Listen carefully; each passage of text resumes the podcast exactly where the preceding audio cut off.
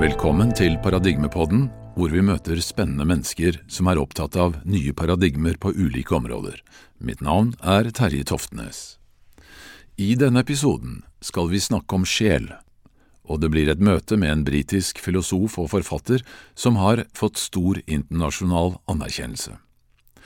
Han har skrevet boka Soul Story, sjelens historie, om sjelens plass i den større sammenhengen, eller mer korrekt mangel på plass i dagens virkelighetsbilde.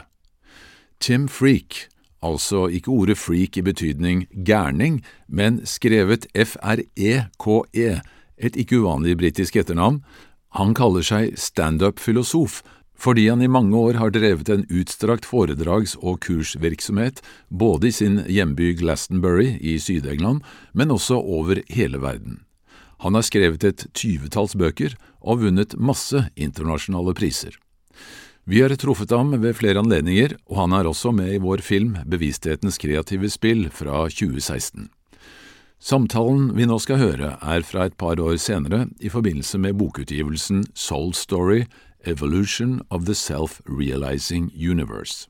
Vi gir ordet til standup-filosofen Tim Freak, som altså mener at vi har en sjelekrise. It seems to me that Western culture is experiencing what I think of as a soul crisis because of the dominance of a philosophy that's associated with science. And it's a philosophy which, on the surface, is a very powerful way of understanding reality, and yet it leaves us in a world which exists for no reason, a universe which has evolved through chance, and it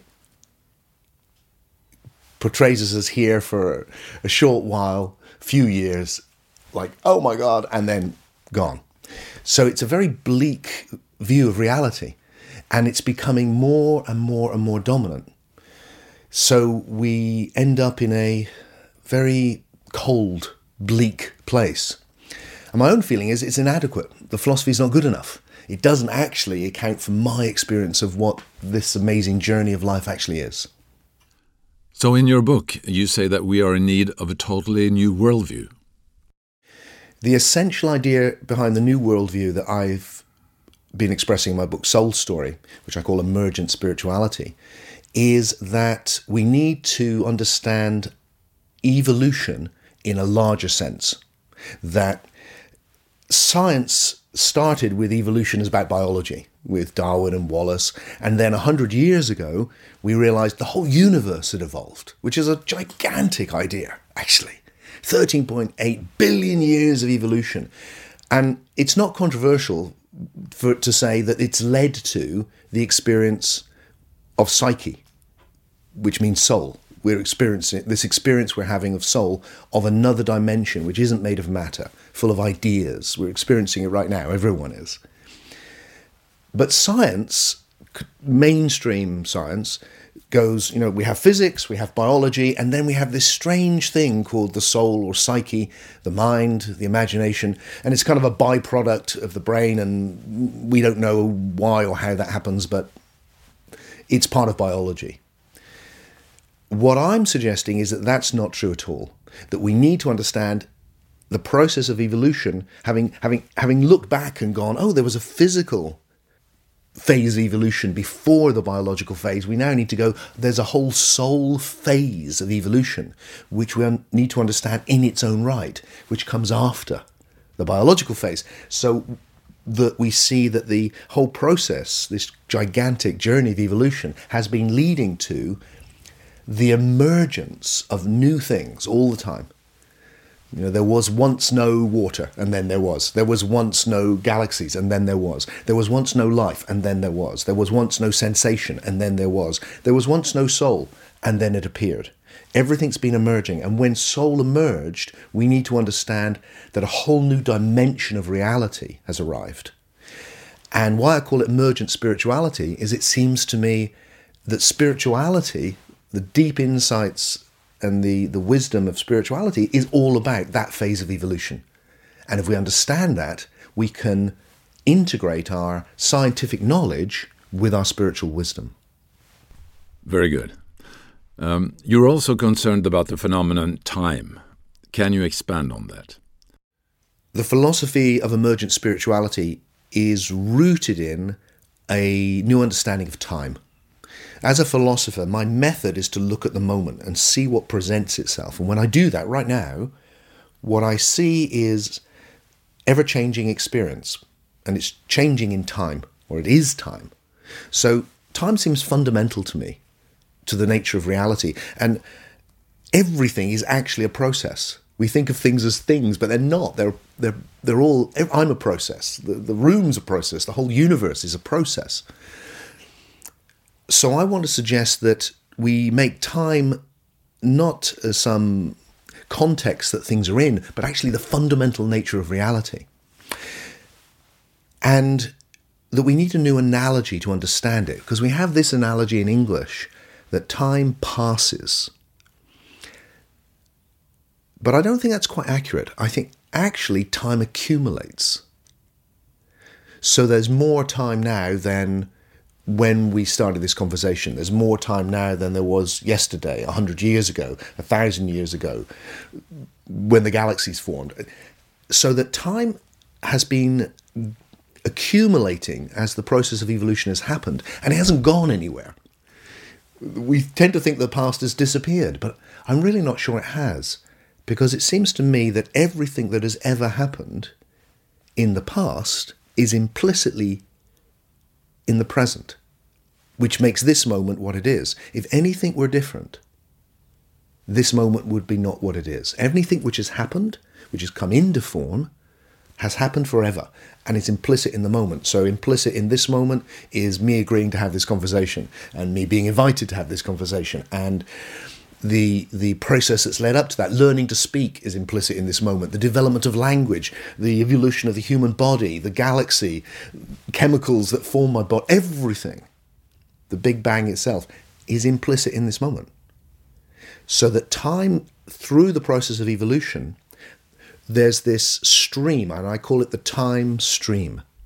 And this time stream which is what arises at the big bang which is moment zero it's the beginning of time.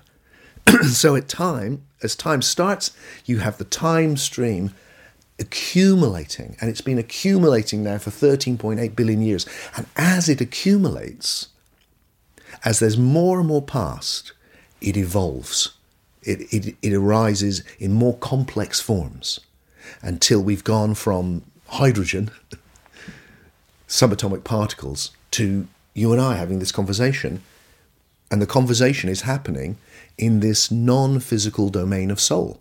It's happening with words, which are just essentially are just funny noises I'm making with my mouth, but the meaning, the meaning we are sharing, exists in the psyche, in this highly emergent domain that the whole of the process of evolution, the, the movement of the time stream, has led to. So I would say that the universe is made of time. It's made of the past because it's a process. And we are here at the cutting edge in the moment. And the moment is the meeting of everything that has been and everything that could be, all the possible.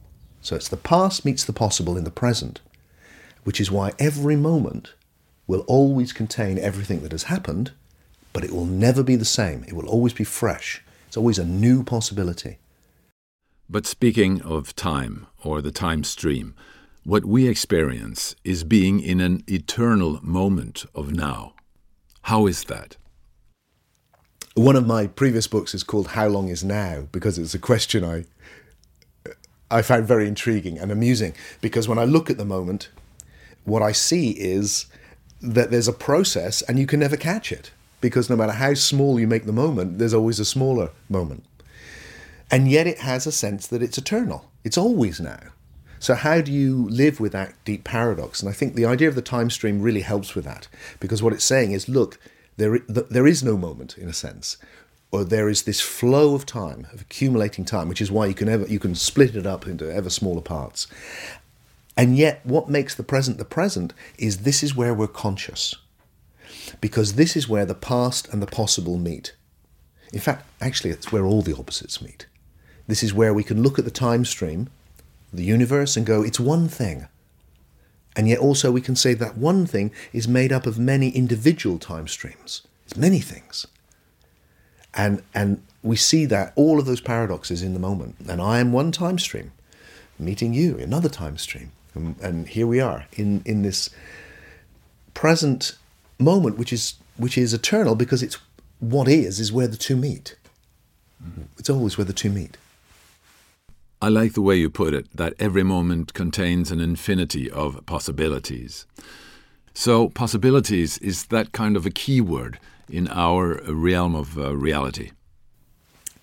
I have this phrase I like the self realizing universe because it seems to me that the universe is a process of realizing potentiality. So if you think, what existed before the Big Bang? And it seems like an impossible question. But I think we can say this that what existed before the universe was the potentiality for the universe. So, what was there before the Big Bang? A primal potentiality that could be realized as everything that's come into existence. And then you can see the time stream, the process of evolution, as a process through which ever more emergent potentials have been realized.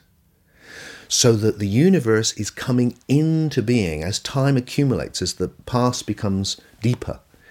More and more uh, emergent possibilities are realized. We couldn't go straight to a single cell. We had to go through the creation of chemicals. We couldn't go straight to soul. We had to go through the creation of the body, the galaxies, everything. So that the universe is realizing itself in deeper and deeper ways. And this experience we're having right now of soul, of another dimension full of images, the imagination, that's the most emergent dimension, which is why it's so significant. That's why we're spending so much time in it. That's why we're having this conversation in it. And that's in itself leading further, I think. And where it's leading to, uh, it seems to me, is, is what is traditionally called spiritual awakening, which is something which is very small at the moment, but becoming bigger. And I think it's the cutting edge of the process of realization, having reached the point where we are conscious of soul, this other realm. Some souls are becoming conscious enough to realize spirit. And what that word refers to, it seems to me, is the potentiality this formless potentiality from which everything has emerged. So when we wake up spiritually, what's actually happening is that a particular soul, psyche, is becoming conscious that essentially everything is arising from one spirit, one potentiality, one being. So everything is one being evolving.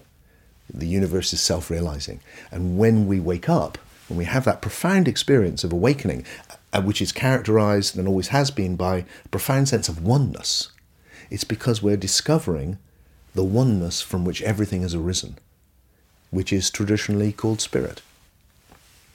How do you explain the concept of body, soul, and spirit? My approach to everything in philosophy is to start with the obvious. I want to I'm a philosopher because I want to understand my own experience fundamentally and then share that with others. So when I look at who I am, when I ask the big question, who am I? I see three levels to my identity, which coincide, I think, actually with a very traditional view which has been misunderstood. And the traditional words are body, soul, and spirit. Body's nice and easy. It's, an amazing thing, very complicated, of course, but there's this body which is something we can sense. We can look at it, we can touch it, we can hear it. What soul? Well, people use the word in many, many ways. What I like to do is return to its original meaning. And if you go back in the West, the original word is psyche, the Greek word, which means soul. And what it's referring to is obvious. It's not like do we have a soul? We are a soul. There's no doubt about that because soul refers to this other dimension of experience we're having right now in which we hear the meaning of the words, where we have ideas, where we have memory, where we can imagine. Uh, you can call this domain many names and they all have a different flavor. But for me, they're just different words for the same thing, essentially. imagination, mind, psyche, soul, they're all referring to this other realm which we in which which is the most important thing we experience. It's what makes us who we are. And it's not made of matter. And just look, just look now. It's not. And it's we have this idea that the soul is in us somehow, but it's not. Just have a look. The soul isn't anywhere. It doesn't exist in space. It's not made of matter. So how could it? It's it's a different dimension of experience. So that's body and soul. And they're really obvious. You can just see them because we're experiencing them all the time. And then there's spirit. And again, people use the word in many different ways, but I'm going back to the original meaning of the word, I think, uh, in the which is often pneuma or nous. It's also the same in the in the East, of course. They call it Atman or Buddha nature, which is that there's a flow happening of sensation, which is body. There's a flow happening of imagination, which is soul. And then the question is, who's experiencing all of that? Who's the experiencer? That thing we call I. What is our being? And that's spirit. And, and the great teaching in all the mystical traditions that, that I've studied and written about is that our deep being, whatever name you call it, is essentially formless, which sounds very strange. But what it's saying is look, your being that's looking, you can't see it because it's not made of anything. It has no shape. It's not a colour. Those are all things you look at. You can't hear it. It's silent because everything you hear is, is an experience. It's the experiencer. You, it's not an idea. It's formless, but it's experiencing all the forms. And because it's formless, there's no boundaries to it. So as you wake up to your spirit, you find that it's one with all spirit, or you wake up to your being, you see that all being is essentially one being. And what's happening there, I think, is that we're discovering that everything has been arising from, and what we essentially are, is the source of the universe, which is the formless potentiality. So, my presence, my being as the experiencer, is the formless potential to experience anything that happens to be experiencing this. So, my formless spirit is experiencing my soul, all my thoughts and images, and body, all my sensations. And those are the three levels of our of our identity, which which are obvious if you just pay attention to the moment. Mm. And then the inevitable question what is death? In recent years, we've seen quite a few interesting attempts to bring science and spirituality together through an evolutionary understanding. The problem that I found is that they, they don't address what is traditionally the core message of spirituality, which is death is not the end. And a lot of these mm, attempts to bring together science and spirituality say nothing about death. So, what I've wanted to do is to be able to articulate an evolutionary understanding which captures my intuition and the intuition of all of the great spiritual traditions that, that death really isn't the end. And that's not an embarrassing woo woo thing to say. It's absolutely a intellectually respectable thing to say. And that we can understand the nature of reality in a way that makes perfect sense of that. So, what I'm suggesting is that the soul level we're experiencing now has evolved from the biological level, and it's another dimension. It's the dimension of the imagination which we experience in dreams, and that we are able to survive and carry on as soul after the death of the body because the soul is not made of things, it's made of information. It's a process in time. And a simple analogy for that, which may help because I'm, it's a big story to tell quickly, is if you think, you know, when I was writing the book, I was writing it on a computer, and you'd think that the information and the computer were the same thing, but they're not, because the information was actually stored in the cloud. So if I'd broken my computer and dropped coffee on it and the whole thing had exploded, it would look like, well, that's the end of the computer and all the information. But actually, it w- wouldn't be because the information existed on another dimension, which wasn't local and could be picked up anywhere. And so, a bit like that, A bit like, look, this other dimension is a, a dimension, a higher dimension of information in which we continue, which we are in now and which we can continue in. So the, the whole question around death becomes really simple. It becomes the question, do we survive death is when this body dies and the experience of sensation ends, does the experience of imagination continue? And my answer is yes. We enter a communal dream space. And when you listen to people's near death experiences, that's exactly what they're relating. And even more interesting, I'm saying, and this is where I'm asking spirituality to think in a new way, I'm saying this, this realm of heaven doesn't exist eternally. It has evolved, like everything.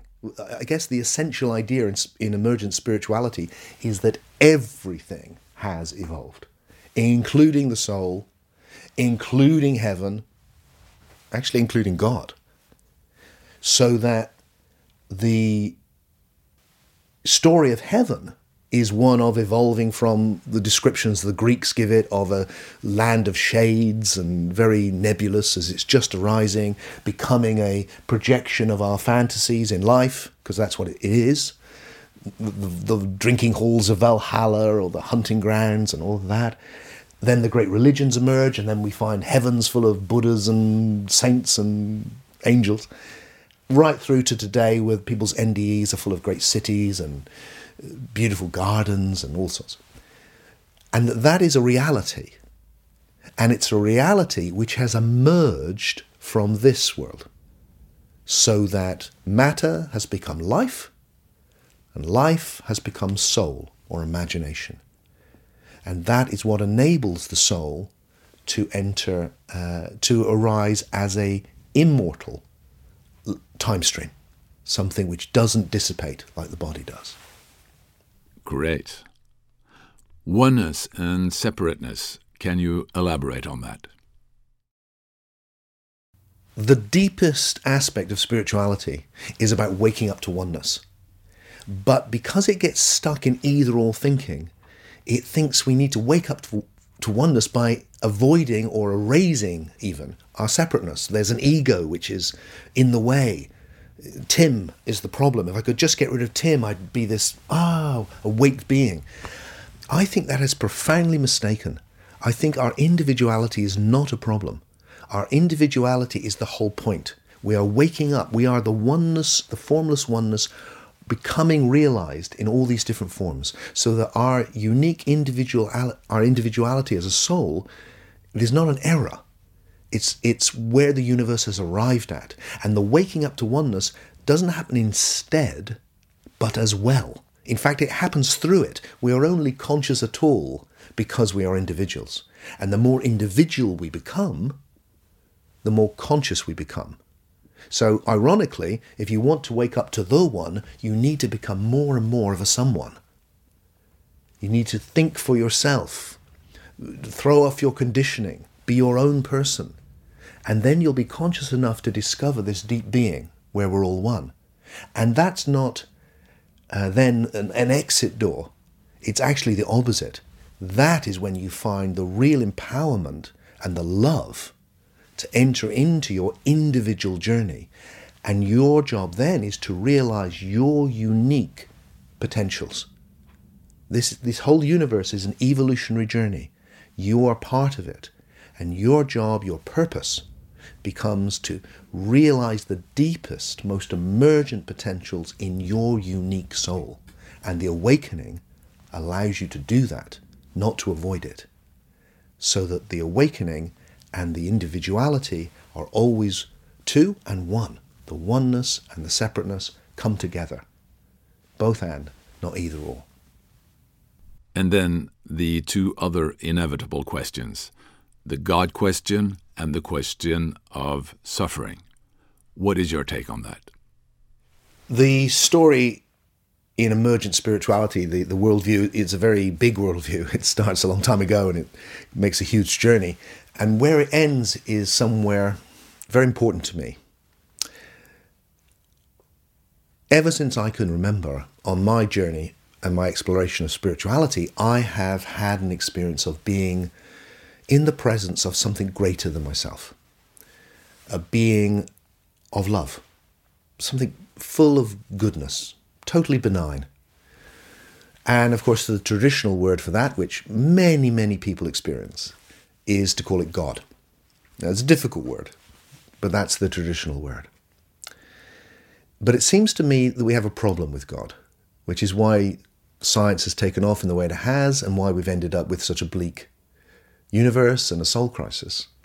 Is if you put God at the beginning of time, which is where most theologies place the divine, there's some really hard questions, impossible questions. There's what in theology traditionally is called the problem of evil, which is essentially if there's a being of goodness at the beginning who creates all of this, even if, even if that being creates it through evolution, which has become popular to think, why these horrors? Why the horrors? And, and you can get around it and go, well, human beings are, you know, do bad things, but it's not just human beings. You know, it's like in nature, the horrors, the, the, the level of suffering which is inherent in the universe. And then there, you can add to that what I what I, I jokingly call the problem of absurdity, which is we now know that there were 120, 180, even billion million years of dinosaurs, for instance.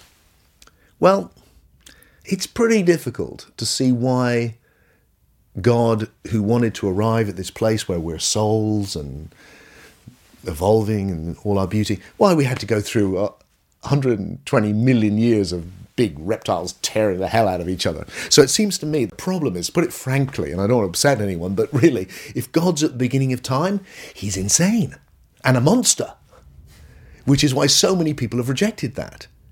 And science is much more elegant. It goes, look, the reason we've had dinosaurs is because it's kind of random. It's like genes doing their thing, and you know, and the reason it's taken so long is because it's there's no one's got a blueprint at the beginning.